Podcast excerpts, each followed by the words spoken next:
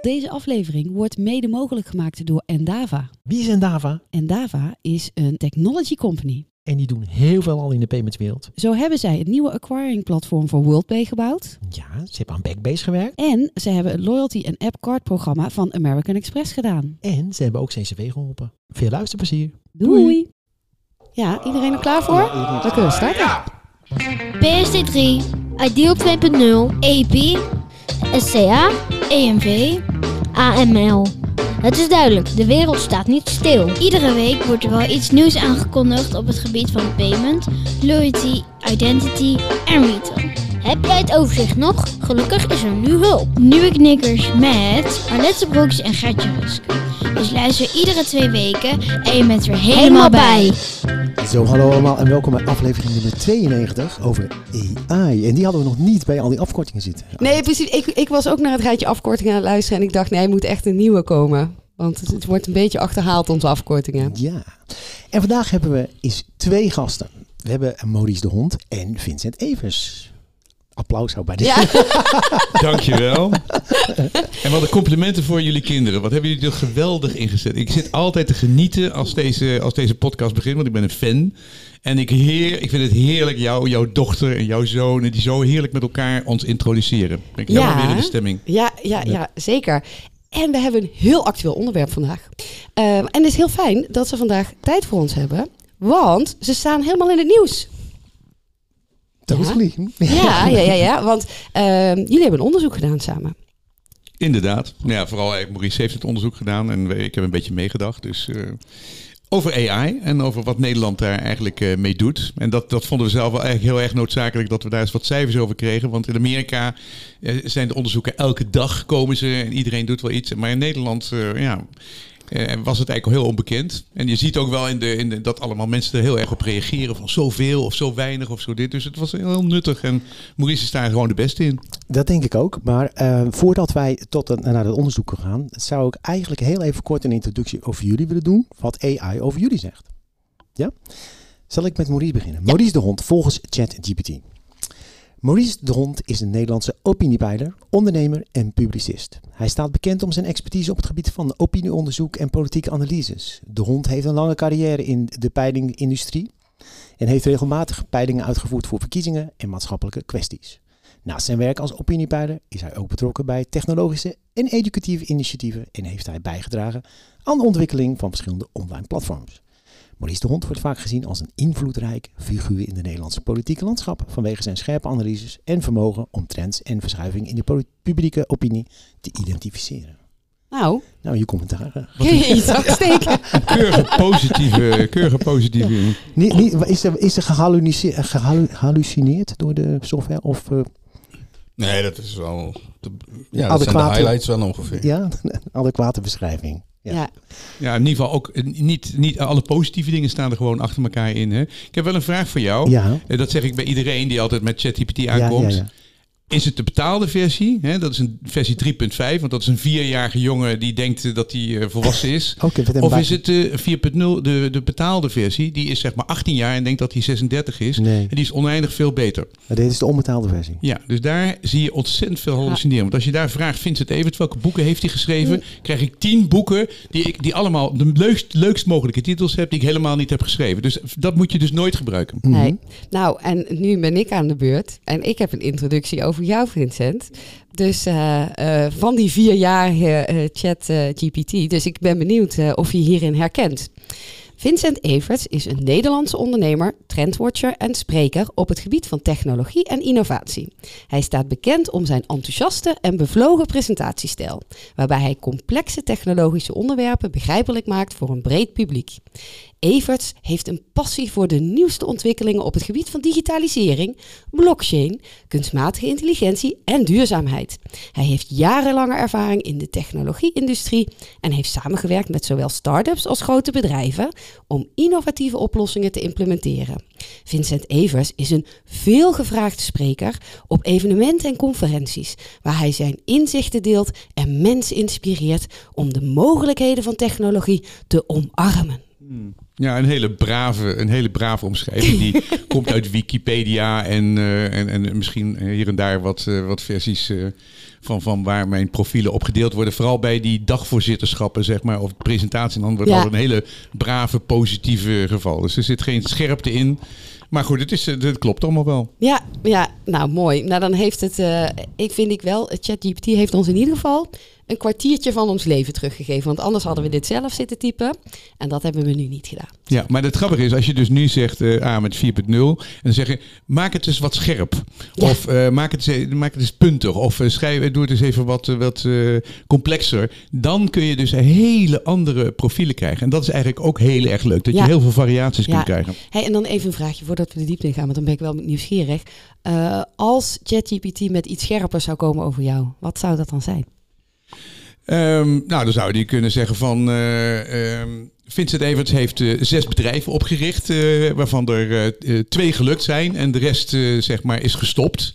En hij, ehm, hij is met, met Maurice de Hond in zee gegaan tijdens corona. En waren allemaal, heeft 250 podcasts gemaakt waarbij hij tegen het RIVM inging.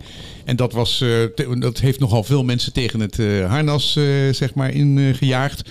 en hij is... hij is in, in, in Rusland een eh, bedrijf begonnen met 50 programmeurs. eh, en, en, en waarbij die Russen nog steeds bezig zijn. Zo is dat misschien. Dus is Oh. hij, zou allemaal, hij zou allemaal wat meer puntige dingen kunnen, kunnen vinden. Of Ja. eh, hij is getrouwd met een Amerikaanse New Yorkse. Dus dat is eh, ook een eh, hele uitdaging. Dus maar in ieder geval, je zou... ja, dus hij zou, zou best wel heel veel kunnen vinden eigenlijk eh, Ja. over, over mij. En, over, en ook, ja, hij heeft bijvoorbeeld heel erg eh, voorspeld dat eh, e-books heel groot en populair zouden worden. Nou, dat is eigenlijk een van de voorspellingen die... eh, ik doe nee, meestal niet voorspellingen, maar daar was ik heel enthousiast over. En, dat, en het ongelooflijke hoe de oudere vrouwen, want die lezen nog boeken, zeg maar, hoe die aan papier vasthouden, dat, is- dat is mij ongelooflijk. Dus dat, daar ben ik helemaal niet Ja. in waar geweest. Maar andere voorspellingen, zoals smartphones en, eh, en internet en dat soort dingen, die kwamen al, of, eh, of AI, die komen nu wel uit. Ja, nou, ik heb toevallig nu wel, eh eh, Mila is morgenjarig. En ik moet eh, zo meteen wel een e-reader ophalen bij Coolblue. Want ik heb wel een e-reader voor haar gekocht. Het duurt Nee, even, ik- maar dan heb je ook wat, ja. Nee, ja, nee, het was meer het principe dat ik dacht, ja, ze moeten meer lezen. En of alleen maar dan boeken gaan kopen. Of de bibliotheek. Ik dacht, beide situaties gaan niet werken. Dus dit is mijn laatste strohalm, is de e-reader. Maar goed, dat terzijde. Eh jij zei eh, zes bedrijven opgericht. Nu hebben jullie samen ook een bedrijf opgericht. En volgens mij is dat het haakje waarom jullie hier aan tafel zitten. Ja, dat klopt. Ehm, we, zitten, we zijn natuurlijk zelf ook al heel actief op het gebied van AI. Omdat dat ja, eigenlijk een soort ontwikkeling is die nog eigenlijk een grotere impact zal hebben dan bijvoorbeeld internet in 95. En daar hebben we elkaar ontmoet. Nog bij het begin van internet. Microfoon Oh, meenemen. sorry. hier. Ja, het begin van internet. En ehm, dus we zeiden van ja, eigenlijk wat er toen gebeurde, is de ontwikkeling van internet die heel ingrijpend was, maar eigenlijk relatief langzaam ging vergeleken met wat je nu met AI zei. Mhm.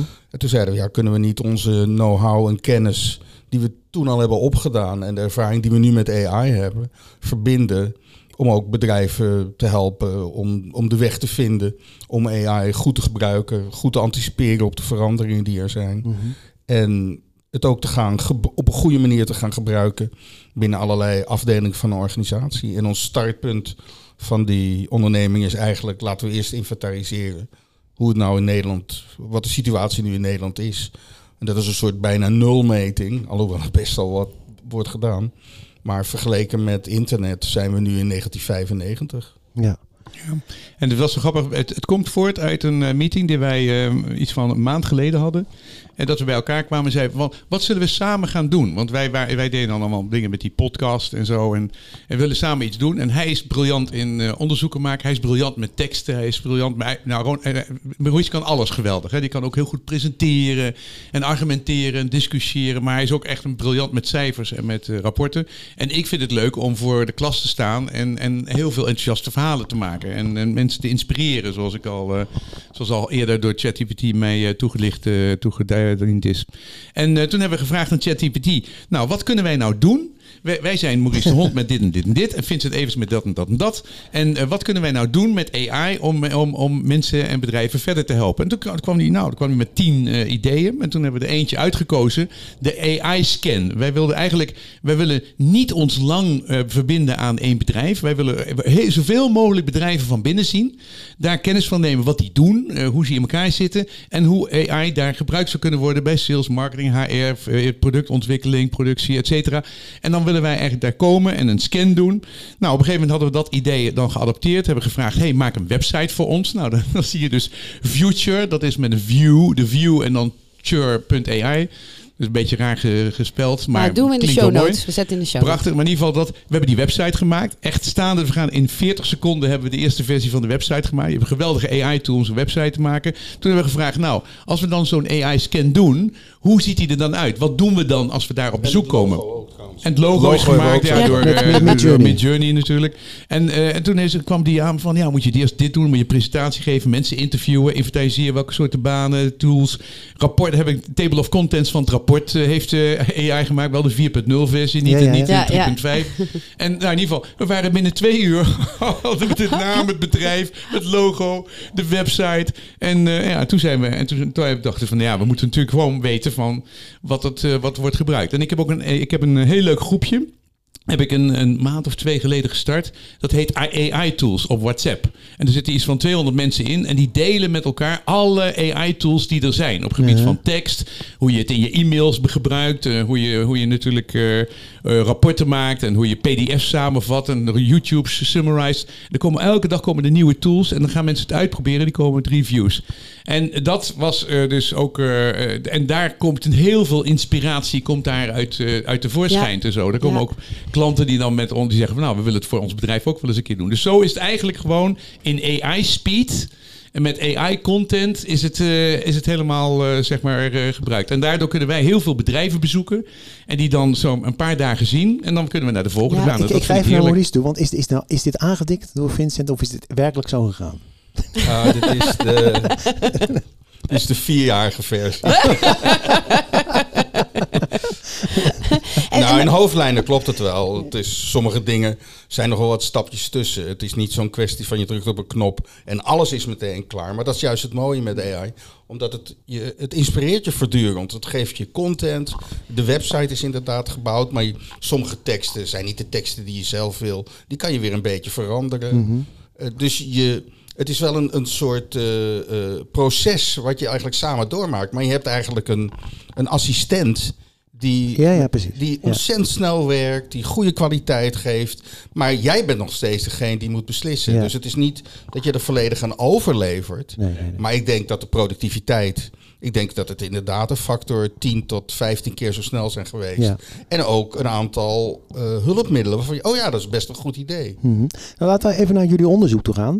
Want eh, jullie hebben een aantal stellingen geponeerd. Hè? Of eh, Pijl.nl heeft dat gedaan.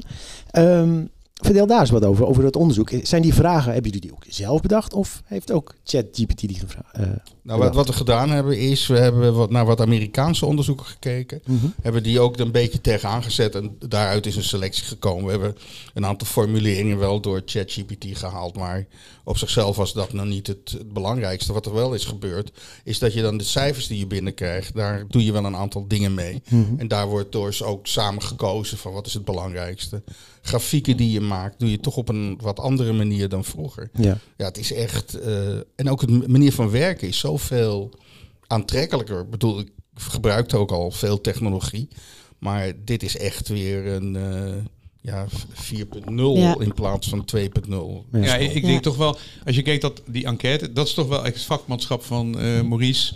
Want ja, we hebben 7000 mensen, we hebben 7000 mensen ondervraagd. Mhm. En dan moet je op een gegeven moment dat kunnen terugbrengen tot een afspiegeling van de, van de bevolking. Hè? Van man, vrouw, oud, jong, eh, goed opgeleid en niet en dat soort dingen. En, en daar weet hij allerlei conversiefactoren van te maken door uit zo'n 7000 eh, mensen die online dan meedoen, om daar dan toch een representatie van te hebben. Waarbij je dan ook weer prachtige discussies krijgt. Want ik kreeg inderdaad van van eh, Peter Kenty kreeg ik weer van... joh, 15% van de Nederlanders gebruikt AI. Dat is 2,5 miljoen mensen. Hoe kan dat nou? Weet je wel? Dat is echt gewoon van... Nou ja, dan eh, zeg ik, nou, we gaan eventjes met elkaar bomen daarover... hoe, dat, eh, hoe dat soort dingen nou eigenlijk eh, gebeurt. Maar dat is wel even het vakmanschap. Ik denk dat dat daar nog de minste AI in zat. Ik vond het idee en de, en, en, en de productontwikkelingen... de- daar vond ik het meeste uitkomen. En wij waren natuurlijk heel nieuwsgierig. Want ja, ik denk maar niet dat AI... Want het enige met AI, dat werd al lang heel veel gebruikt in Nederland. Dat weten ja. mensen niet. Maar Nee. als jij een bankrekening, zeg maar, als jij een bankrekening aanvraagt, word je geflekt door, zeg maar, door, door machine learning. Of die lening wordt toegekend, wordt geflekt. Of jij een huis krijgt, of dat je een baan krijgt, of een bevordering krijgt, of dat jij door de belastingdiensten uitgepikt wordt. Weet je wat? Er zitten 90%, 95% van alle aandelen verkopen en aankopen wordt via, zeg maar, robots en AI en machine learning gedaan. Dus het is al sinds 1930 toen eigenlijk de ideeën waren over AI. En vooral 1912, toen deep learning is eh, zeg maar, eh, uitgevonden. Dat je, dat je een netwerk kon trainen met heel veel data. Eh, is eigenlijk al AI heel erg aan het opkomen. Maar nog niet zo met... eh, ja, dan had je af en toe Siri of eh, Google Ja, Home die ja. tevoorschijn Maar komt. even Maar nu is het echt voor de mensen... Het 2007 smartphone moment van de iPhone. Dat Ja. is nu gekomen in december 2022. Want, want je zei 1912. 2012. Twee, oh. Nee, nee, nee. Sorry. 19, 1930. Toen is al het denken over algoritmes, zeg maar, is, is zeg Oh, maar oké. geformuleerd. Dus het hele, hoe kun je nou met algoritmes, dus dat waren dan handmatige algoritmes op papier, hoe kun je nou op een gegeven moment machine learning doen? En hoe kun je uit data dingen doen? De belangrijkste principes komen uit 1930. Toen kwam de computer erbij. In 1960, eh, 50 kwamen allemaal schaakprogramma's. In 1960 kwamen autonomous rijdende auto's kwamen tevoorschijn. In 1997 kwam Deep Blue, die eh, zeg maar won. En, en, en Go en kwam in 1916. Dus het is echt al, dat hele AI-gebeuren is al 100 jaar, is al 100 jaar oud.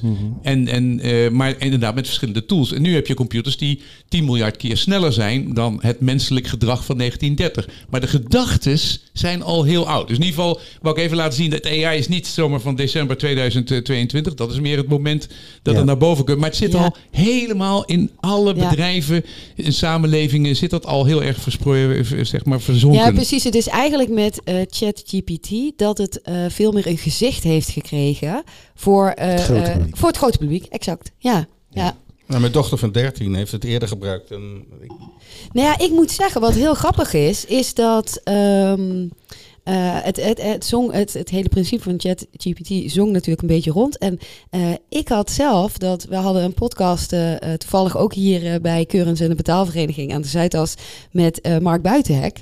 En Mark vertelde toen van, oh ja, nee, ik eh, stel al regelmatig vragen. En nou ja, Gert-Jan, dat jij dat deed, dacht ik, ja, tuurlijk, want Gert-Jan doet alles eh, als eerste zo ongeveer. Maar ik hoor steeds vaker inderdaad dat mensen het eh, gewoon gebruiken. En ik vind het wel heel mooi eh, wat jij zei, Maurice, dat het ook meer een soort digitale assistent is. Eh, wat ik zelf heel fijn vind in samenwerken, als je met een collega samenwerkt, dat je merkt, oh, met z'n tweeën gaan we veel harder dan alleen. Dat je elkaar heel goed aanvult en je denkt, oh, we zijn echt grote stappen aan het maken. Maar die eh, blijdschap, die, die vreugde, die gaat eh ChatGPT je dus ook geven. En alle andere tools die daaronder hangen. Hè? Want we noemen dit altijd als naam. Maar Ja. er zijn natuurlijk heel Ja, veel tools inmiddels. Ja, maar Als dat, hulpmiddel. maar dat is inderdaad, het is een hulpmiddel. Nu nog wel, kunnen we straks verder over praten Ja. hoe dat gaat. Want in het onderzoek ziet men dat ook. Hè. ja. Die zegt, eh, nou, het is, ik ben twee keer zo efficiënt met ChatGPT als zonder. Maar ik wou even zeggen van, dat hele gebeuren met ChatGPT, dat was al in 2019, 20 was Ja. het al op de markt. Ja. Het was het product al op de markt. Alleen toen onthield hij nog niet de antwoorden van de keer daarvoor. En ik, eh, ik, zit, ik, ik zat vanochtend te kijken naar AI copywriting aan de slag met Writer van Mr. Lurts. Dat was meer dan anderhalf jaar geleden. En die ging alle tools al kijken met AI, die allemaal stukken voor jou schreef. Blogpost, sprookjes over de aardappel die niet eh, in, eh, in, de, in, de, in de pan wilde verdwijnen en zo. Hele goede Nederlandse teksten die door AI geschreven werden. Het was drie, twee, drie jaar, kwam het al naar boven, maar niemand... Niemand pikte het op. En ik zat al met, ik zat er met GPT-3, zeg maar. Die zat ik al te, te, te kijken in 2020. Vond ik al geweldig. Maar toen was het nog helemaal niet tot de verbeelding. Dus het is wel grappig dat je op een of ander, een of ander gezicht, jij noemt het een gezicht, goed gezicht, heb je dan nodig. Maar en toen was iedereen wauw. Maar dat was met internet ook. Internet werd ook, bestond ook al in de jaren tachtig. Maar toen de browser Toen juist, kwam, ja, dat was het moment, het dynamisch Ja. moment. En dat Ja. is dit ook. Ik Ja. wilde dat net eigenlijk vragen, want het, was een beetje een vergelijkbaar moment. Ik kan me het begin van internet nog herinneren dat, nou ja, moest je nog met inbellen met modems en allemaal gedoe en een ingewikkelde quiz. Je had, 94. je had geen browser, maar je kon wel een vraag stellen aan een bibliotheek in New York. Ja, leuk. Maar pas toen die browser er was, dat was het moment, toen kwam internet echt binnen, zeg maar, voor het grote publiek. En ik denk dat het een beetje ook het interface van JetGPT geweest is, denk ik. Misschien even nog, even nog één leuke die eh, ik, eh, als ik met mensen ben die- er nog niks van weten, en vooral oudere mensen, dan doe ik dus het volgende en dan vallen ze bijna van hun stoel af. Ik zeg nou, we gaan even een Sinterklaas gedichtje maken. Zeg maar voor wie, wat zijn baan is, waar die woont en welk cadeautje die krijgt. Nou, die iemand zegt dat dan. En voor je ogen, in ongeveer in 20 seconden, is er een Sinterklaas gedicht van 32 regels. Ja, Nederlands is niet overal even goed. Maar echt, ik moet ze va- vasthouden omdat dat ze niet van de stoel vallen. En dan begrijpen ze in, in ieder geval ineens wat de kracht ervan is. Ja, en ik Ja. gebruik altijd een eh, voorbeeld van, oké, wat eh, waar, waar ben je mee bezig? Oh, een podcast. Schrijf een eh, script voor, eh, schrijf eh, 20 titels voor het komende seizoen van podcasten in de financiële sector. En dan maakt hij gewoon een reeks van eh 20 eh, onderwerpen en wat je, wie je dan een gast gaat nemen en dit en dit en dit. En dan zit, of iemand die is, die is in, boten, in boten geïnteresseerd, maak een plan voor de renovatie van een boot. Dus ik ga altijd naar iemands onderwerp toe en zeg dan, maak een plan voor. Ja. Nou, en dan zijn mensen helemaal, dan zijn helemaal mensen flabbergasted. Ik Ja. wil nog één ding zeggen van over dat hele geschiedenis van het internet. Ja. Vandaag zat ik met Lex Friedman te luisteren naar Mark Andreessen. Dat is de, de maker van eh Mosaic, de eerste browser. Ja. En die is nu ook een hele grote venture capitalist. Is overal aan het investeren. En die heeft twee uur een verhaal over de het verleden van computers, eh, internet, mobiel en nu AI. Briljant interview. Als je lekker 2,5 uur hebt, genieten. Ja, doen we ook in de show in de notes. show notes. Maar laten we even naar het onderzoek gaan. Wat zijn nou toch de belangrijkste conclusies uit het onderzoek? Nou, ik vond zelf het, het mate van gebruik. En zeker ook eh, het verschil tussen eh, allerlei groepen jongeren. Nou ja, de, de, het overgrote deel gebruikt het al. En 52 behoorlijk- procent geloof ik. Ja, en behoorlijk- 87. 87% heeft het geprobeerd. Oké. En 52% gebruikt het regelmatig. Ja, Wel, Ja, ja, ja. En weten jullie dan ook waarvoor? Zeggen ze dat ook? Dus voor echt schoolzaken? Ja, nou, we, we hebben ook een aantal uitsplitsingen, ook per leeftijd, van wat voor soort gebruik. Je ziet het meest wordt het gebruikt in relatie tot teksten. Dus teksten maken, teksten controleren eh, en zo. Maar je samenvatten. ziet- samenvatten. oh. Samenvatten. Eh, Kunnen we eindelijk begrijpen, lezen, skippen in... eh, Ja. Ja, en, voor, en jongeren die het voor een studie gebruiken, is het gewoon een, een studiehulp. eh, waar je zelf vragen aan stelt, maar waar je ook bijvoorbeeld kan zeggen: Nou, neem mij maar even een toets af. Ja, Ja, dus- oh, Ja, briljant. jij, bent Ja. Nu, jij bent nu mijn scheikundeleraar en ik moet vijf HAVO-examen doen. Dus even dat even voor iedereen die met ChatGPT wil ik even twee dingetjes kwijt. A, je hebt de vierjarige versie, die is gratis. Die kan echt helemaal hallucineren en die, die, die, die met, met grootste Ja, ja. overtuigingskracht. Hallucineren Dus- betekent trouwens voor de mensen die het niet weten, dan eh, die dingen die hij niet weet, verzint hij gewoon ter Ja, plekke erbij. Vincent hè? Everts heeft, eh, als je vraagt aan 3.5 welke boeken heeft Vincent Everts geschreven, krijg je tien fantastische boeken die ik zou heel graag geschreven hebben willen worden, maar heb ik niet. En dat zegt hij met grootst mogelijke overtuiging. 4.0 zegt, ja, Everts is een eh trendwatcher en die is lekker actief, maar die, die heeft nog nooit een boek geschreven, dus die weet dat gewoon, zeg maar. Wil die wel graag, maar nooit Had gedaan. het echt heel graag gewild, maar om. nooit gelukt, zeg maar. Dus 4.0 is veel en veel en veel beter. Is gewoon, eh, zeg maar, tien keer zo goed, minimaal tien keer zo goed. En ten tweede, je kunt ChatGPT trainen. Je kunt zeggen, jij bent nu een, eh, jij bent mijn podcastassistent. We gaan met elkaar praten over podcasten en welke onderwerpen we gaan doen en welke gasten. En hier, dan flikker je er gewoon tien eh, podcast, eh, eh, zeg maar, eh, draaiboeken in. En vanaf dat ogenblik gedraagt hij zich. En je bent scherp. Je kunt zeggen, je bent scherp, je bent dit, je bent dat. En vanaf dat ogenblik is het je assistent. Voor persoonlijk, met de relatie met jouw kind, kun je ook een andere ChatGPT ook dan ook weer trainen. Dus dan gaat hij veel intelligenter, veel meer afgestemd op jou, gaat hij gewoon reageren. Dus dat is zeg maar het eerste. Maar, maar, en bedrijfsmatig, als je dit bedrijfsmatig zou willen Ja. toepassen, dan kan je bijvoorbeeld zien, nou ja, ik, eh, ik heb een helpdesk en ik doe al mijn mails van de vragen van klanten die ik heb, gaat door het systeem heen. En vervolgens kan dat systeem eigenlijk het overgrote deel van de vragen behandelen. Ja. En ook zeggen, ja, dit weet ik niet, dit schrijf ik even door naar, naar een mens. Een Ja. mens. Ja, Ja, kijk, want... En, oh, ja, Nee, nee, ga door. maar, ja, maar, eh, Jullie zijn zo want goed op elkaar ingespeeld. Hoe, hè? eh, ja, we zijn net een getrouwd stel. Ehm, hoe ga je dan om met ehm, privacygevoelige informatie of bedrijfsgevoelige informatie als je ehm, je eh, chat GPT of een andere tool daarvoor inzet? Ja, daar heb, dat je kunt in ChatGPT kun je gewoon zeggen: gebruik deze, dus een vlaggetje. Gebruik deze te- eh, data om te trainen of niet. Als je dat uitzet, dan gebruikt hij die data alleen maar om antwoord te geven, maar niet om te trainen. Ja, dus want- dat is het vertrouwen dat je hebben moet in OpenAI. Maar dat is zeg maar een instelling in, eh, in de betaalde versie. Ja, maar Ja. ik wil even terug naar het voorbeeld wat eh, Maurice net aanhaalt over eh, inzetten eh, eigenlijk als eh, vervanger van de mens. Hè? Want eh, die handelt dan eigenlijk gewoon eh, de, de 80, antwoorden af. 90 procent ook. Ehm, d- kijk, we hebben het nog niet over de gevaren gehad, want volgens mij hebben jullie daar ook eh, onderzoek naar gedaan. hè? Of er zijn ook mensen Ja. die, die, die, die... Gaan we zo meteen over hebben, is de cliffhanger. Ja, maar Ja. ik wilde er toch vast al even naartoe. Ja, zeker. Want ehm, wat ik zelf een beetje ervaar, en ik ervaar ik nu al, omdat ik al te maken heb met banken die gewoon AI inzetten voor transactiemonitoring bijvoorbeeld. Eh, ik ontvang wel eens transacties uit eh, Suriname. En duister. reageren banken Hey. toch heel alert op. Mm. En je merkt gewoon dat eh, soms de mens weg is. Dus ik krijg soms eh, van de, bank vragen, verzoeken over mijn inkomen, et cetera. En je merkt dat er geen mens in zit. En op het moment dat ik dan zelf die interactie aangaat en dan merk je op dat de computer geen antwoord terug kan geven, dan wordt die doorgesplitst naar een mens. Pas dan komt de humane interactie. eh, Ja, maar eh, ik vind gewoon de modellen die zijn gewoon dom op dit ogenblik. Die, Ja. de, als, jij nu naar een, eh, als jij nu naar de huidige generatie chatbots gaat, die automatisch reageert, die zijn zo onvoorstelbaar dom en rechtlijnig. mhm. En als je naar een Ja. ChatGPT gaat, die is warm, begripvol, geïnteresseerd, denkt out of the box. Ja, maar wat en dat niet- soort dingen. maar wat dus dat, is niet een, kan- dat is een verschil tussen generaties. Ik heb het nog nooit zelf getest. Misschien heb jij dat wel eens een keer gedaan. Heb je wel eens aan ChatGPT gevraagd nadat hij een antwoord heeft gegeven? Hoe kom je nou tot dat antwoord? Absoluut. En dan, eh, Wat is je dan kun- motivatie? en dan krijg je gewoon van, eh, waar- waarom heb je dit gekozen? Ja. Geef me de voor- en tegen, toen heb je het besloten en krijg je het antwoord. Maar misschien Is dat even- zo? Ja, maar ook, dat- jij dat bedoelt je eigenlijk ook welke bronnen heb je Ja, gebruikt? welke bronnen heb Nou, je de gebruikt? bronnen die, die kun je dus met 4.0 kun je dus inderdaad met 4.0 kun je zeggen eh, ik wil alle bronnen hebben. Dus dan, dan kun je dat weer aanzetten. Dan gaat hij, geeft hij allemaal linkjes erbij. Dan heb je daar een speciale plugin voor voor internet. Dan geeft hij alle bronnen tevoorschijn. Maar even, voordat we daarin gaan, Ja. misschien, ik wil even nog een paar kleine conclusies van het onderzoek laten zien. Ja, hè. Van, Graag. dus inderdaad, een derde heeft het gebruikt, twee derde niet. Eh 7% van de, eh, van de, in gender, 7% van de vrouwen heeft gebruikt, 21% van de mannen. Dus daar zit een, Oh, eh, daar zit een, verschil, een Oh. flink verschil in. 87% van de jongeren, 4% van de ouderen. En wat is ouder? Oh, 65 oké. plus. Ja, hele oude mensen zoals ik.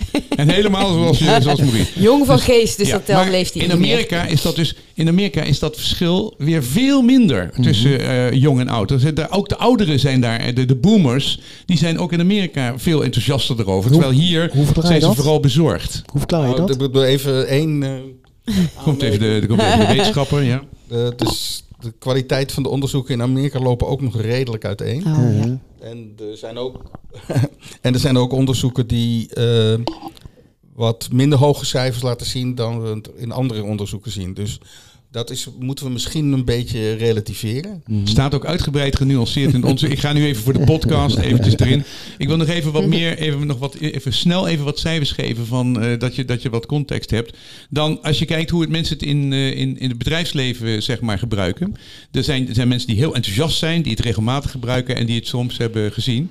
Mensen die het veel gebruiken, die zijn interessant. Want die zeggen, daar zegt 72% van, hey, ik ben ongeveer twee keer zoveel, eh, eh, twee keer zoveel zo efficiënt eh, als, als zonder. Maar 25% zegt, ik ben toch eigenlijk wel bang voor mijn baan. Dit gaat mij mijn baan kosten.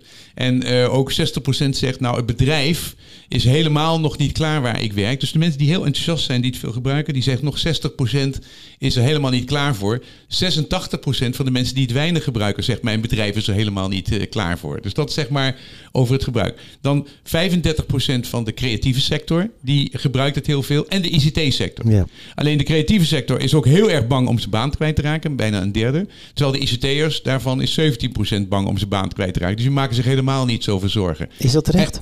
En dan, ja, dat is dan niet helemaal niet terecht. Want als je programmeert, dat ding kan Precies. zo fantastisch programmeren. En dan heb je een productiviteit van drie tot vier keer. Maar ik heb, En dus die mensen moeten zich echt zorgen maken. Maar ik denk dat ze daar niks niet zo over nadenken. Dat dat echt een groot probleem Dat dat Nou, best wel een uitdaging ik kwam een hele mooie statement tegen. Die zei, eh, jij wordt, jouw baan wordt, je, wordt niet, jouw baan wordt niet vervangen door AI, maar je wordt vervangen door iemand die AI gebruikt. Ja, nou, Ja. dat denk ik ook. Ja. Want ik moest toevallig aan een productontwikkeltraject eh, bedenken. Eh, Even met hoe jullie het bedrijf gestart zijn, hè, waarbij AI jullie te dienst i- geweest.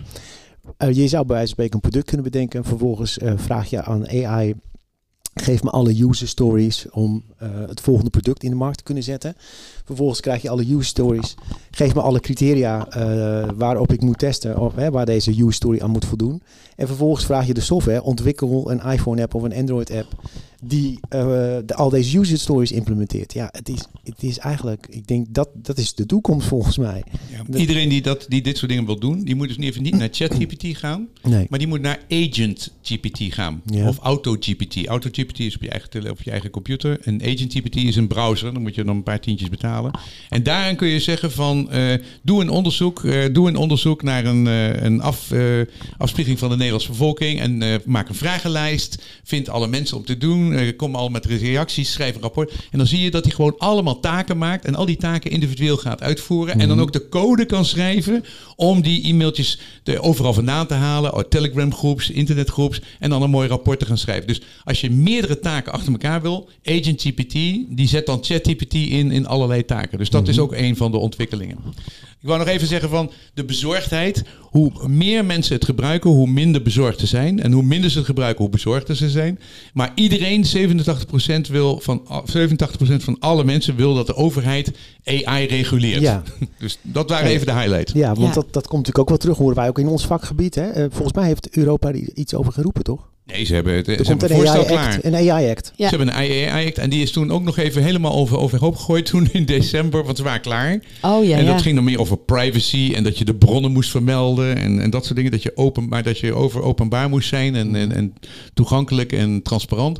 Maar nu hebben ze met ChatGPT hebben ze nog even er een heleboel dingen aan toegevoegd van waarmee is, wordt al die netwerken getraind en hoe wordt Ja. nou het copyright beschermd. En dat hebben ze nu, en Europa het loopt nu ver voor op het denken over, eh, over re- regulering. Dus dat is, dat, dat is wel echt wel eh, heel interessant. Maar nou hebben de makers zelf van AI eh, op een gegeven moment zelf geroepen van... Dit is levensgevaarlijk. We zijn hier een atoombom aan het maken. We moeten stoppen. Nee, dat, Nou, nee, nee, nee, nee. ik- nou, ja, nee, ik maar dan, dat- als je het hebt over de open AI mensen, Ja. die hebben dat genuanceerd. Maar Elon Musk, Ja. zeg maar, hè, dat is dan een van de oprichters van open AI, maar die dan toen daarna is weggegaan als Mhm. belangrijkste persoon. Maar nog 15.000 mensen die zeggen, het is een eh existentiële bedreiging voor de mensheid. Precies. Hetzelfde als, zeg maar, allerlei sp- eh, spannende virussen en atoomoordingen. Ja. Maar de mensen van OpenAI zelf, eh, Sam, eh, hoe heet hij nou? Ben ik niet- Sam, ik weet niet meer achternaam. Maar die heeft dat, eh, die heeft dat een beetje genuanceerd. Maar goed, er is heel veel. Maar ze hebben wel gezegd, wij moeten gereguleerd worden. Ja, Ja. Maar waarbij dan een heleboel mensen zeggen: ja, jullie gaan dat natuurlijk wel weer reguleren, zodat de grote jongens eraan voldoen. En de kleine jongens en alle open source eh, projecten er niet aan kunnen voldoen. Dus dat is dan ook nog een beetje een discussie van wat voor soort regulering. Want je wil niet, je wil niet de grote en de kleine hetzelfde reguleren. De kleintjes Ja. met open source netwerken waar er nu honderden van komen. Dus ChatGPT-achtigen die open source zijn en die je allemaal kan gebruiken. Die moet je natuurlijk niet hetzelfde framework gaan opzetten als eh, op een gegeven moment de Googles en de Microsoft en de OpenAI en dat soort dingen. Dus daar, daar, dat, dat is best wel een dingetje. Ja, maar ik Hey, ben- en, ja. Want als er dan zoveel nieuwe opkomen, wil je dan niet ook een soort van kwaliteitsstempel hebben? Want anders dan Van weet... de overheid? Nee, nee, nee, maar Nee. meer in zijn algemeen. Want jij zegt net al, van heel veel mensen weten dat niet. De 3.5 versie, dan praat je met een 4-jarige. En de 4.0 versie praat je met een 18-jarige. En als er dus nieuwe open source zaken in opkomst zijn, uiteindelijk wil je natuurlijk wel weten, ik stel een vraag, hoe betrouwbaar is dat antwoord dan? Ja, en, en daar zul je ook zien dat daar zijn nu ook al heel veel van dat soort netwerktesters. Die zijn daarvoor. Van, eh, als je naar eh, Hugging Face gaat, daar zit er iets van 300 open source eh, netwerken. En die hebben ook allemaal testen. Er zijn ook gestandardiseerde testen. Hoe betrouwbaar is deze AI? Dan hebben ze langs verschillende, 14, 15 verschillende onderwerpen, allemaal verschillende vragen, antwoorden. En dan testen ze hoe hallucineren ze, hoe goed zijn ze en dat soort zaken. Dus dat, daar zijn nu al ongelooflijk veel ontwikkelingen voor. Maar waar zien jullie nu zelf het gevaar in AI? Zien jullie gevaar? Tum, tum, tum. Dum, Nou, de eerste gevaar is als mensen er vooral gaan benaderen vanuit het, het gevaar. mhm, In de zin van, er zitten ontzettend veel opportunities in. mhm. En ik ben oud genoeg om nog te herinneren dat toen televisie kwam, dat we toen ook over spraken van gevaar. En bij elke technologische ontwikkelingen zitten er voordelen en nadelen. Maar een deel van die ontwikkelingen gebeuren toch, wat we er ook verder ook Nee, van vinden. Zeker, ja. En dat maar alleen, en dat heb ik ook gewerkt toen bij het begin van internet, dat juist omdat mensen die eh, over gevaren praten, die weinig weten wat het eigenlijk bete- betekent, worden elke kans voorbij gegaan om eigenlijk wel de goede stappen te doen, om een aantal grenzen te stellen Ja. of een aantal framework te bieden waarbinnen de ontwikkeling goed kan zijn. Mhm. Dus mijn grootste zorg is eigenlijk dat te veel mensen die eigenlijk niet weten wat er aan de hand is en wat er gaat komen, gaan praten over hoe je dat gevaar zou moeten beperken. Mhm. En dan denken dat je het kan eh, eh, negeren, maar het komt sowieso, dus dan kun je er maar beter mee leren omgaan. Ja, maar en wel bepaalde eisen aanstellen en ook best een aantal beperkingen eh, stellen. Dat, dat lijkt me ook best verstandig.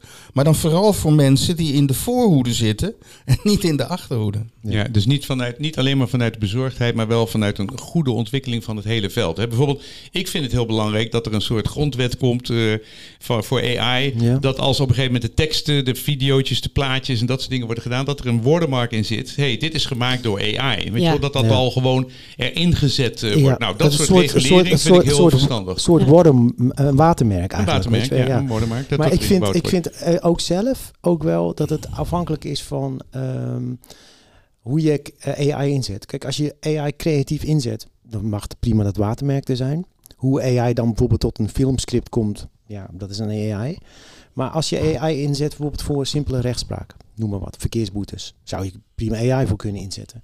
En daar komt denk ik ook op het moment dat, dat het als advocaat, als arts, als uh, ding, als daar, daar komen dan allemaal regels, daar komen denk ik wel gewoon kwaliteitsmerken Da- voor. Dat mag Zeker. ik hopen. En dan wil je eigenlijk wel, en daar maak ik me wel een beetje zorgen over, dat de makers zelf van de AI niet meer, niet meer snappen eh, hoe die computer tot een bepaalde conclusie komt. Maar dat Ja, is heel normaal, want dat heb je met software altijd. Nee, maar je dat niet- vind ik niet. Kom ik vaak Nou, met dat- mensen ik ook niet hoor. Ja, maar kijk, kijk, kijk. Nee, maar kijk, nee, maar Maurice. Nee, maar ik- Ja, ik even terug naar de human. Nee, maar nee, dat is een goed punt. Kijk, als ik, als, als ik, eh, als ik een, iemand op zijn mening vraag. En iemand motiveert die mening, waarom die die mening heeft. Kan hij dat uitleggen. En eh, ik vraag me af of die computer nog goed kan uitleggen waarom hij tot een bepaald vonnis komt als je hem bijvoorbeeld inzet voor de rechtspraak. Ja, en, en, dat, en, en ik wil dus net zeggen dat dat soort regels, dat komt ook inderdaad in de, in, de, in de wetgeving. Die zegt van joh, als je nou kijkt bij, bij, bij eh, Microsoft, zeg maar, dan daar komt elk antwoord, kun je gewoon op een gegeven moment de bronnen vandaan eh, vragen. En je kunt eh, bij ChatGPT kun je gewoon echt zeggen, hoe kom jij daarbij? Wat, wat vind je daarvan? ik, eh, vroeg, ik vroeg vanochtend van, hey, hoe is waarheidsvinding, zeg maar, heeft zich ontwikkeld in ChatGPT? Kijk, een heel mooi voorbeeld van allemaal dingen, teksten en toestanden. En, hoe, en, en wat is jouw oordeel over of wij dichter bij de waarheid zijn gekomen of minder dicht? Nou, dan krijg je een heel mooi verhaal met allemaal bronnen en verhalen en toestanden. Hij argumenteert juist zijn beslissing heel erg goed op dit ogenblik. Ja. Ja. Nou, wat ik ook interessant vond, ze- niet lang geleden hebben ze een, een systeem volledig getraind eh, op, bij, de, bij de intake eh, bij huisartsen, triages. Ja. Gewoon, bij- je komt bij de huisarts, hij vertelt je klachten en dan Mhm. moet zo'n huisarts proberen te concluderen, ja, wat is het en welke kant. En wat ze gedaan hebben, ze hebben ehm, eh, geloof ik 100 eh, patiënten genomen. Oh, duizend, Duizend. maar goed aantal. De eh, patiënten genomen. En die, de helft zijn door echte artsen behandeld en de helft is door eh, een eh, AI-systeem. En vervolgens hebben ze, zonder dat die dat wist, andere artsen laten beoordelen hoe de intake was en het be- de beoordeling. Mhm. En de AI-systeem werd hoger gewaardeerd door die andere artsen. Die wisten niet dat het AI was. Ten aanzien van die intake. Ja. Drie, drie, langs drie verschillende assen. Eén, de inhoud van het advies. Daar was de, de artsen waren 60% en eh, ChatGPT had eh, 85%. Dan de volledigheid van advies. Nou, dat was ChatGPT was 90% en de artsen waren 40% zeg maar eh, waardering.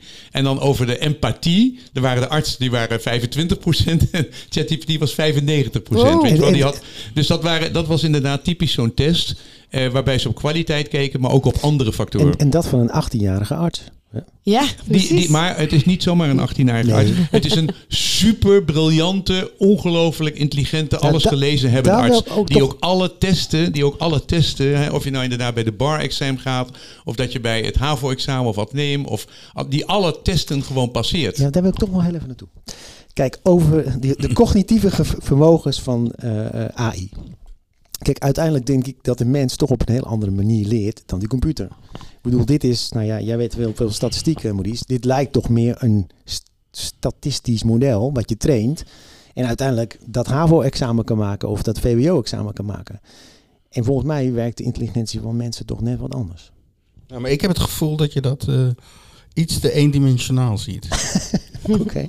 Nee, maar ik, bedoel, de mens heeft ook allerlei diepe, maar we, we worden als mensen ook soms overschat, laat ik zeggen, ten aanzien kennis. Zoals ik al net zei, artsen, helaas heb ik al wat ervaring op dat terrein, Mhm. zowel zelf als bij mijn, mijn kinderen. Dat je gewoon ziet dat ook de arts helemaal niet onfeilbaar is. En eigenlijk het meest cruciale bij een arts vind ik vooral dat hij menselijk is. En zelf ook onderkent dat hij niet nee. onfeilbaar is. Nou ja, en wat, wat je merkt als je met systeem werkt, zoals ChatGPT, dan, dan voel ik dat zelf te best terug. Ik, ik zie dat. Kijk, het gevaar zou kunnen zijn, is dat je dat systeem door iemand wordt misbruikt om jou in de maling te nemen. Mhm. Dat je dus, je moet een soort waarborgen hebben dat dat systeem het zijn best echt doet. Mhm.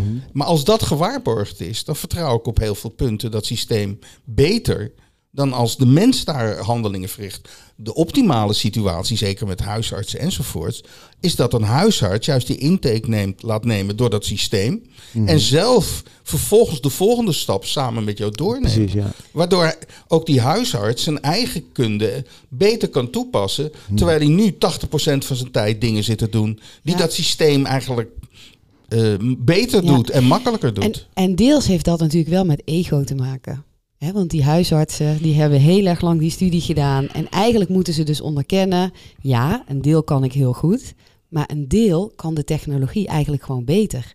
Ja, en door maar dat te erkennen kun je wel beter samenwerken. Ja, maar ik vind dat een beetje vergelijkbaar met een boer, zeg maar, die zijn hele leven lang heeft gewerkt om een eh, schop in de grond te gooien. Die heeft op een gegeven moment een tractor gekregen, duizend keer meer productief. De kenniswerker, die heeft nu voor de eerste keer een tractor gekregen.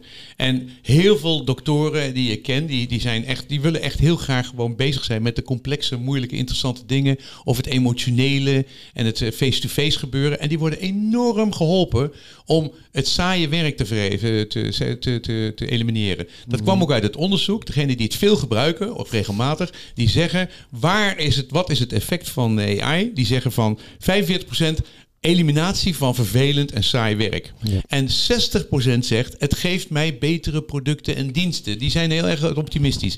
Je moet wel even zeggen, je zit hier met twee techno-optimisten eh, aan tafel. Hè? Dus als jij op een gegeven moment wil Ik denk dat de luisteraar dat al gehoord ja, heeft. Nee, maar ik wil even zeggen, als je dus een intelligente persoon wil hebben die, eh, gaat pra- die, die kan praten over alle nadelen die dit heeft en hoe gevaarlijk dit is, dan moet je Marleen Sticker uitnodigen hè, van De Waar. Ja. Briljante Ja, dame. ja, of je moet mijn vrouw uitnodigen, Ketelie, die is psycholoog en die is super kritisch over de potentiële negatieve dingen. Maar Maurice en ik kun je daar niet op betrappen. Dat, dat gaat niet, dat soort denken, dat zit er bij ons niet in. Ja, en waarbij belangrijk is, ik, en omdat ik, ik heb in 1965 leren programmeren, in 1980 had ik gebruikte ik al een PC, ik heb internet gebruikt in 1995 en ook enzovoorts.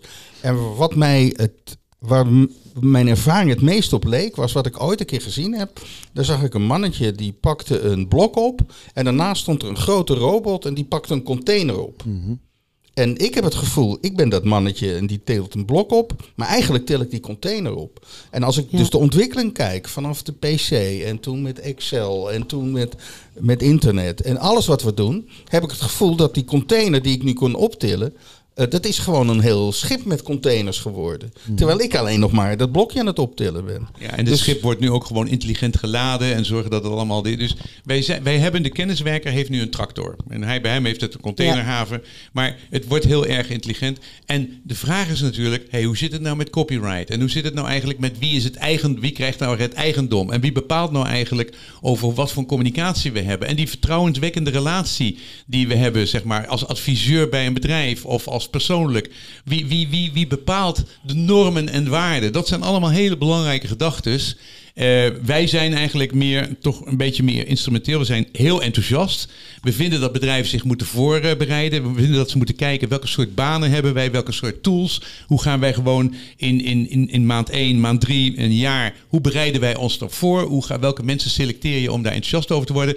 Wij zijn meer instrumenteel aan de beginfase. En de diepere filosofische eh, vragen, ja, daar ben ik niet van. Dat is niet, eh, daar, daar kan ik wel gezellig Nee, over ik- meepraten, maar daar vind ik mezelf helemaal niet deskundig voor. Dan moet je meer andere Ja, types zoals want- Marleen Sticker hebben. Ik had eigenlijk, eh, gezien eh, de tijd, nog een hele mooie afsluitende vraag voor jullie. Eh, maar die is diep, ook wel filosofisch. een beetje begonnen. We filosofisch. zijn net begonnen. Ja, ja, we doen gewoon nog een keer een aflevering. Eh, en dat is, eh, eh, nou, we zitten hier met z'n vier aan tafel. We hebben allemaal eh, kinderen in eh, de eh puberteit, leeftijd. En eh, jullie ook alle twee. En, en de vraag is nou, wat adviseer je nou jouw kind voor jouw toekomst? Of voor zijn toekomst. In relatie. Nou, tot AI. Ja, in, in hoe de wereld gaat veranderen. Van nou, iedereen, ze zitten allemaal op de middelbare school en eh, ze zijn allemaal uh, uh, schoolstom en ik heb geen zin. En dus ja, wat, wat zeg je dan? Hoe schets je dat toekomstbeeld voor hun? Nou, wat, wat even een dan voorbeeld uit het verleden. Ik, uh, juist omdat ik zo mijn technologie veel gebruikte, heb ik in 1985, toen kwam de Mac uit. Toen was mijn oudste zoon 8. Die heb ik een Mac gegeven. En toen de eerste digitale fototoestel kwam, heb ik hem ook gegeven. En toen was hij 18 en toen begon internet. En toen dook hij op internet. En dacht ik, ik heb hem 10 jaar voorbereid op internet. En ik denk dat het belangrijkste is om ze zoveel mogelijk ruimte te geven. Om die technologie te gebruiken en zo goed mogelijk te gebruiken. Omdat ze zich daarmee het beste voorbereiden op die toekomst. En ja, het, en natuurlijk moet ook het onderwijs op dat punt uh, veel dat we gaan inspelen. Maar daar weten we ook van. Dat gaat ontzettend langzaam. En dat wordt ontzettend ook mede bepaald door mensen die juist die ontwikkelingen niet goed uh, zien. En ook niet goed kunnen inschatten. Wat betekent dat nou eigenlijk? Mm -hmm. Ja, mijn dochter is nu 14. Die is over drie, vier jaar komt ze van school. Nou ja, dan is wat wij nu spelen is, is ongeveer de PC uit 1980 die we hebben beschreven, of de faxmachine. Zover is het dan al. Dus ja, laat ze zoveel mogelijk ervaring ermee opdoen. Maar probeer die ervaring te integreren in het werk wat ze eigenlijk aan het doen zijn. Of ze creatief zijn. Als ze, uh, ken, ja, de, ik zie mijn dochter, die, die is heel goed met tekenen ja, die, die laat ik ook actief zijn met Midjourney. Dat hebben we nu niet over gesproken, maar dat is ook fascinerend wat je daarmee allemaal kan doen. Dat is echt ongelooflijk. En waarbij de kern natuurlijk is, en dat is wat er eigenlijk geleerd wordt, de prompt, de vragen die je stelt, hoe je ze formuleert, die zijn ze ook, zeker bij Midjourney, zo bepalend op wat je eruit krijgt. Hmm. Dus ja, ik probeer ook elke dag wat tekeningen te maken om te ervaren wat zijn de goede vragen. Want dat is ook een, uh, dat is, dat is echt een know-how die je moet ontwikkelen. Ja. Vincent. Nou, dan met mijn, uh, mijn, mijn kinderen is het meer complexer. Want uh, mijn vrouw is altijd gewoon heel erg over de gevaren van technologie. En uh, dat, je niet over na moet, dat je niet over nadenkt. En dat we eigenlijk daar, daar serieus moeten zijn. Die zijn behoorlijk... Dus tegenpolen trekken elkaar aan hè, bij jullie thuis, blijkbaar. Ja, nee, dus ik, ik word elke dag, krijg, elke dag krijg ik een hele intelligente, hele intelligente en zeer gewaardeerde tegenspraak. Dus mijn dochter, die heb ik allemaal uitgelegd wat wij deden. En over met ChatGPT. Die zegt, papa, ik vind dit doodeng. Wanneer gaan die uh, apparaten ons uh, overmeesteren? Wat is er dan nog voor ruimte voor mij? Dus die zit met, als 15-jarige zit al gewoon heel erg met dat soort vragen. En ja. ik zeg ook, ja schat, uh, je kunt maar beter die tools goed kunnen gebruiken. Want het gaat, jij wordt niet vervangen door een AI-machine. Jij wordt vervangen door iemand die AI goed bereikt. Maar, maar, je stuurt daar niet aan alleen stikken dan met dit soort filosofische vragen? Nou ja, nee, de, nou, maar die komt bij ons op bezoek. En, die, en dan hebben we ook dat soort discussies. De, zij wordt wel geëxposed. Ik weet wel dat mijn, mijn benadering is beperkt. Ja. Ik ben de eindeloze energie, de, de positivo uh, op, op technologielandschap. En ik denk niet goed genoeg na over de nadelen. Dat heb ik ook gewoon gezien. Vooral uh, over internet. Ik was razend enthousiast en zo. Maar ik, ben over, ik, ben, ik heb niet in de gaten gehad hoe winner takes all. En hoe eigenlijk uh, dat er maar een paar dominante play, spelers overblijven. Omdat dat netwerkeffect zo sterk is. Dus in ieder geval, daar, uh, en ik ben ook als de dood van degene die bepalen de normen en waarden van AI. Dat, dat, dat bepaalt ook de kwaliteit van ons leven. En ja. ja, we gaan veel meer productiviteit krijgen. Maar als dat alleen maar gaat naar de eigenaren van de platformen. En ik vind dat de ongelijkheid in de samenleving belachelijk in de afgelopen 20 jaar is uh, verschoven. Dat zou veel erger kunnen worden door AI of niet. Maar goed, mijn kind, ik zeg jongens, jullie zitten op het niveau van de PC toen ik van school afkwam. Leer hiermee omgaan. Ja. En, uh, en de school van, uh, van zeg maar de, de Amsterdamse school, de Amsterdamse Lyceum, die zegt van joh, wij gebruiken zo weinig mogelijk van dingen. En laat je daar niet door. En, maar ik zeg, laat je daar niet afleiden. Zorg dat je deze tools gewoon goed gebruikt op een positieve manier. Ja. En dat jij jezelf sneller gaat ontwikkelen. Nou, mijn zoon is daar veel instrumenteler in. Die zegt gewoon, als het gewoon werkt, dan ga ik het gewoon gebruiken. Die denkt helemaal niet zo over van hey, de voor- en de nadelen en dat soort dingen. Dus ik probeer ze daarin te gaan. Maar ik heb helemaal niet de dominantie in het huis om eh, mijn kinderen te adviseren. Want daar komt heel veel tegenspraak op. En dat is denk ik ook wel goed. Kritisch denken, zorgvuldig gewoon beslissen of je het wil gebruiken of niet. Wat je zelf wil doen, is denk ik toch het allerbelangrijkste. En dat zal elk bedrijf, elke organisatie en elke persoon zal dat gewoon eh, voor zichzelf moeten gaan uitmaken. Jullie hebben ook allebei eh, een historie qua met onderwijs. Allebei. Eh, Ik, als jullie allebei dat verhaal zo vertellen, heb ik ook een, een toekomstbeeld in mijn hoofd. Van bij wijze van spreken iemand met een Provision bril op van Apple. Die zelfs een avatar kiest. Een curriculum voorgeschoten krijgt vanuit de AI. En een, ehm, een, een, een leraar voor de klas. Volledig door AI aangestuurd die een verhaal vertelt, een les geeft. Is dat een beeld? Kan dat ontstaan in de toekomst? Dat AI eh, bij wijze van spreken gaat helpen om het leraartekort in Nederland op te lossen?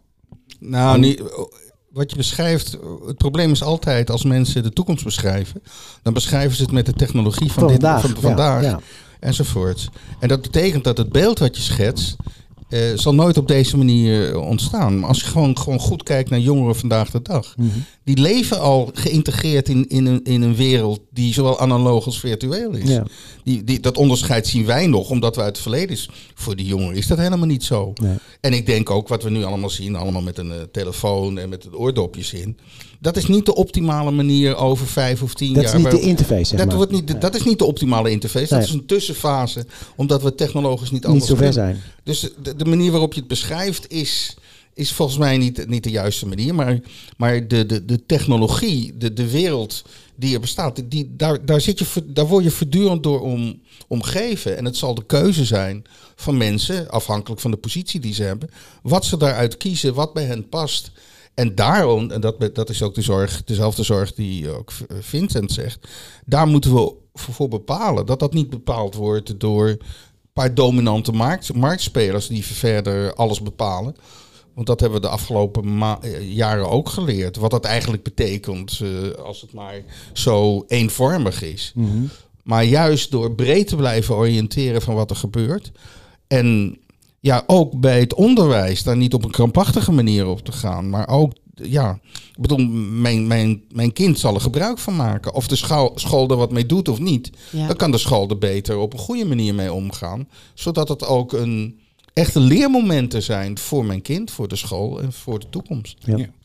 Ik, eh, als ik toch een beetje mag filosoferen waar het naartoe gaat, dan eh, denk ik toch dat we met deze AI-tools zeg maar een soort eh, Aristoteles hebben die eh, zeg maar een persoonlijke teacher heeft, eh, zeg maar, die echt gewoon iemand heeft die mij leert kennen, weet wie ik ben, weet of ik leer met teksten, weet of met foto's, met foto's, met video's, waar mijn interesse ligt, waar ik goed in ben, die mij kan motiveren. Dus ik zie daar die persoonlijke leraar zie ik veel dichterbij komen.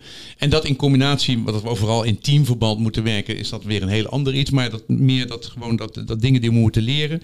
En daar vind ik Khan Academy, die heeft daar echt al een hele visie over. En die, die is daar gewoon heel erg mee bezig. Dus dat vind ik zelf het meest inspirerende. We hebben zelf een poging gedaan om. eh, de- ik, zat, ik zat in zijn school, hè, van die Steve Jobs school. Van, dat je Ja. achter je passie achter moest gaan. Dat mensen moesten leren op een eigen tempo, op een eigen manier.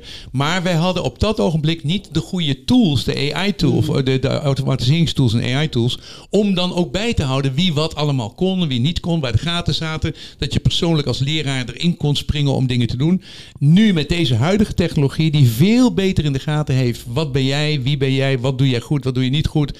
Waar ben je geïnspireerd door. Kun je, een, kun je dat hele concept nu veel en veel beter gaan implementeren. En dat hoop ik dus ook dat mijn zoon en mijn dochter daar heel snel van kan gaan profiteren. En dan moeten ze niet wachten tot het hele onderwijssysteem is veranderd. Ze moeten zelf zorgen dat ze die tools inzetten op de juiste manier. Net zoals ik zei, je bent een assistent. Je, helpt me nu om chemie te doen of om dit te doen of om dat. Of we gaan samen een personal workshop eh, stuk, stuk maken of een rapport. Of we gaan zeg maar eh, heel kritisch nadenken over wat is nou waar. En, en documenten lezen en dat met elkaar evalueren.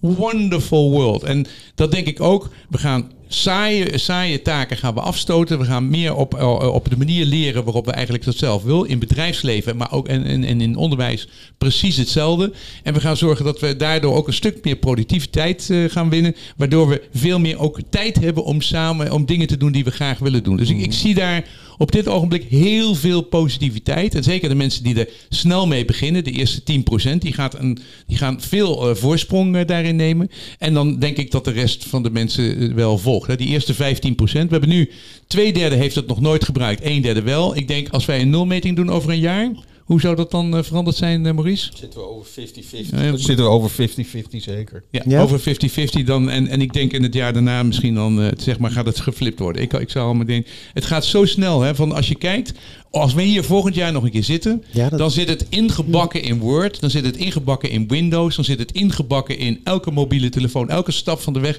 zit die persoonlijke assistent, Ja. is er. Die is, die is geconnect met al jouw, eh, met al jouw applicaties, Ik- kan alle vooral dingen vandaan halen. En dan kun je er bijna niet meer omheen. Ik denk dat het sneller gaat dan, Ken, ken dan je een de, jaar. ken je de film Her? I love her. Lur is, her is de meest fantastische. Maar bedoel, je, bedoel, bedoel je dat een beetje? Die kun je bij NPO trouwens, eh, die kun je bij NPO eh, nu eh, zeg maar gratis Kijken? kijken. Die is nu NPO, iedereen advies.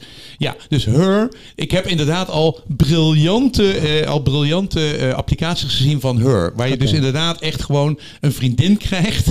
die allemaal heel begripvol voor je is en zo. Dus nou, of dat nou inderdaad de ideale wereld is. Of dat je daar een assistent. Maar ja, ik ken die wereld. En dat zou heel erg verschrikkelijk kunnen zijn. Of het zou eh, op zich heel nuttig Ja. kunnen zijn op een grappig moment. Maar het belangrijkste is eigenlijk eh omarm het, leer het kennen.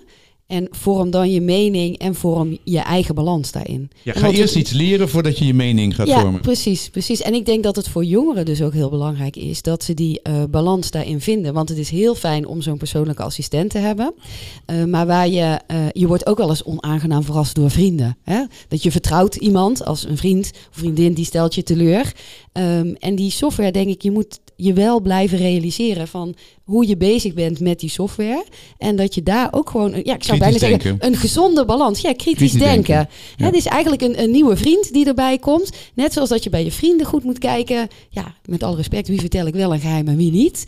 Ja. Moet je ook met die software goed omgaan. Heb ik een vraag aan jullie twee. Jullie kennen de hele financiële wereld. Hè? En iedereen is nu bezig met eh, witwassen en terroristfinanciering. En allemaal heel veel fluff om het primaire proces.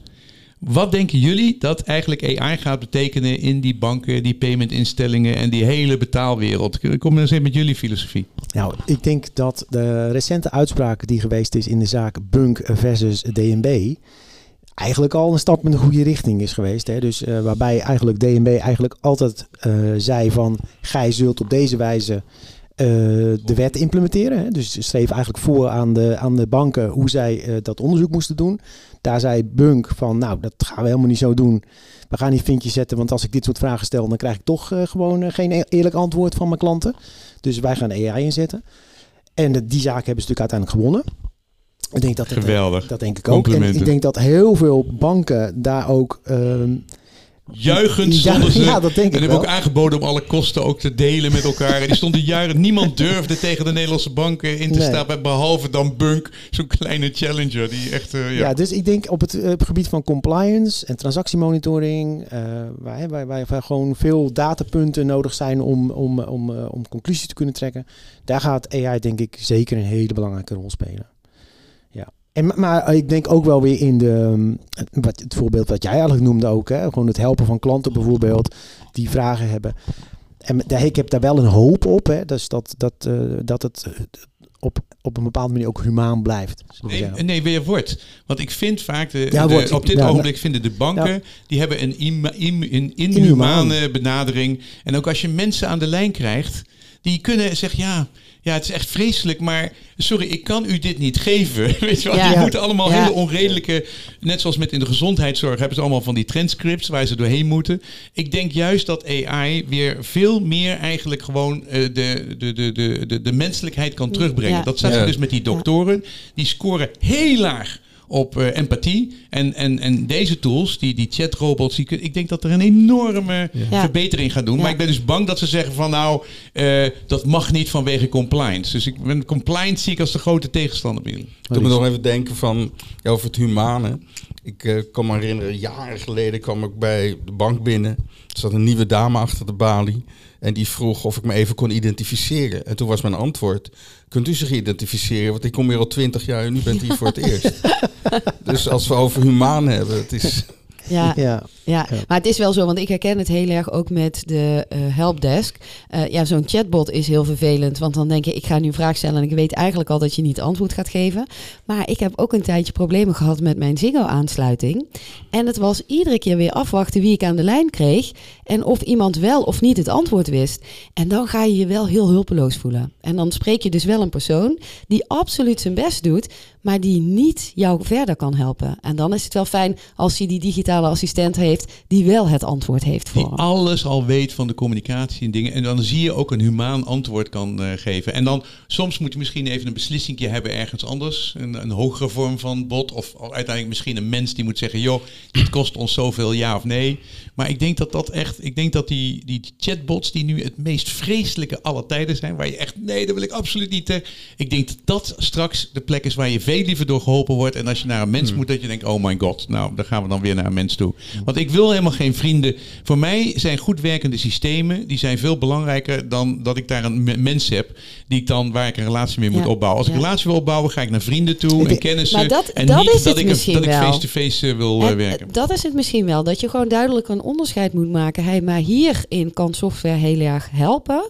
En in andere dingen, menselijke interactie, die wil je houden. Dus eh, we willen niet iedere dag allemaal in een hokje opgesloten zitten met zo'n bril op, dat je die interactie niet meer hebt. Je wil juist die combinatie. Voor de ene is software goed, voor de andere wil je gewoon met mensen. Ja. Ik zit nog even aan de heur. eh, Je zit nog in je film, hè? Nou ja, nee, maar dat ook dan even in relatie tot de financiële wereld. Kijk, eh, we hadden het net even over de interface. Hè. Nu, nu bekijk ik de wereld eh, vanuit de bril van vandaag. Maar dit zou ook wel eens een hele nieuwe interface kunnen zijn. Eh, dus in de zin van, eh, als ik een, een bankaire opdracht geef bijvoorbeeld, maak een bedrag over. Ik zou het nu niet Siri willen toevertrouwen. maar. Siri is zo dom. Echt vreselijk. Precies, maar, maar misschien eh, in de toekomst AI wel. Hè? Dus eh, als het een hele gemakkelijke interface is, inderdaad een personal eh, digital assistant, die ik gewoon even een opdrachtje kan geven via mijn watch bijvoorbeeld, dan zou ik die dat wel toevertrouwen. Ja, maar, niet, voor, niet, voor niets eh, noemt Microsoft, laat ik zeggen, wat ze nu ontwikkelen of binnenkort introduceren, Copilot. Waarbij je al Ja. die onderdelen van Microsoft en browser en zo geïntegreerd zijn. Ja, Maar ja, het is duidelijk dat de volgende naam heet Autopilot. ja. Ja. En dat is dan inderdaad al. Maar je ziet inderdaad, ik geef volledig met vertrouwen met mijn, eh, met mijn horloge. Buying, betalen. Prima. Weet je, ik heb alle vertrouwen daar op dit ogenblik al in. Dus wat Ja. dat betreft geldt dat ook, eh, geldt dat ook eh, met dit soort dingen. Maar ik hoop dat compliance niet die in die financiële wereld niet een stop gaat zetten erop. Dat chatbots erop verboden zijn omdat ze misschien een antwoord af en toe kunnen geven die, eh, die niet eh, helemaal compliant is. Of dat, of dat gewoon eh, allerlei processen van, van op een menselijke manier met elkaar communiceren, dat dat tegengehouden wordt en dat je dan weer een hele reglementeren, reglementen, protocolachtige Ja, manier van communicatie hebt. Dat het weer op de oude manier weer wordt geïmplementeerd met nieuwe technologie en dat geeft vaak rampen. Dus ik hoop dat jullie daar... eh, zou, in ieder Nou, geval ik- fant- zou in ieder geval fantastisch zijn als er een chatbot was die je UBO-verklaring eh, invult. Oh. en meteen controleert. Ja. Want daar word je wel helemaal gek van. Draconische processen verzinnen wij toch in die financiële wereld, hè, qua compliance. Dus ik ben heel blij met dat, eh, met dat proces tegen de DNB. Ik denk dat een heleboel mensen binnen de DNB ook. Want binnen de DNB heb je twee soorten. Je hebt de controlemensen en de beleidsmensen. De beleidsmensen zijn open, geïnteresseerd, warm, experimenteren en dat soort dingen. En de, en de compliance mensen die zijn eh, angstig en we controle en niks mag tenzij en dat soort dingen. Dus ik hoop dat dat, eh, dat, dat met goede tools toch een beetje een betere balans krijgt. De nieuwe knikkers zullen een wakend oog voor, eh, voor, eh, voor jullie zijn. Nou, daar sluiten we gewoon mee af. Ja, Jullie zijn geweldig bezig. Jullie echt een fantastische podcast. dankjewel. Dankjewel. En jullie bedankt eh, voor de komst. Ik ga Ja, en uiteraard zeggen we ook weer bij dit onderwerp wordt vervolgd. Hè? Want ook hier zijn we nog niet eh, over uitgepraat. zeker niet. Nou, er komt sowieso een vervolgonderzoek volgend jaar. Dus eh, dan kunnen we weer vergelijken hè, hoe ver eh, we zijn. Dus. Ja. Hey, en jullie bedankt voor het luisteren. Ja, en hoe gaan jullie AI nu toepassen in jullie podcast? Nou, ik ga die tekst eh, niet meer zelf schrijven hoor. Dus eh, de show notes eh, worden eh, door ChatGPT geschreven Je, deze je keer. kunt heel makkelijk dus nu gewoon eh, de transcript hiervan uitkrijgen en dan samenvatten in eh, 100, 500 en 1000 woorden. En toppen en, alles kun je nu prachtig doen. en Ja. En ze ontvangen geen gasten meer. Nee, nee, nee, dit is menselijke nee, nee. interactie. En we stellen onze luisteraars nog een vraag. Ja, die volgt in Spotify. Doei.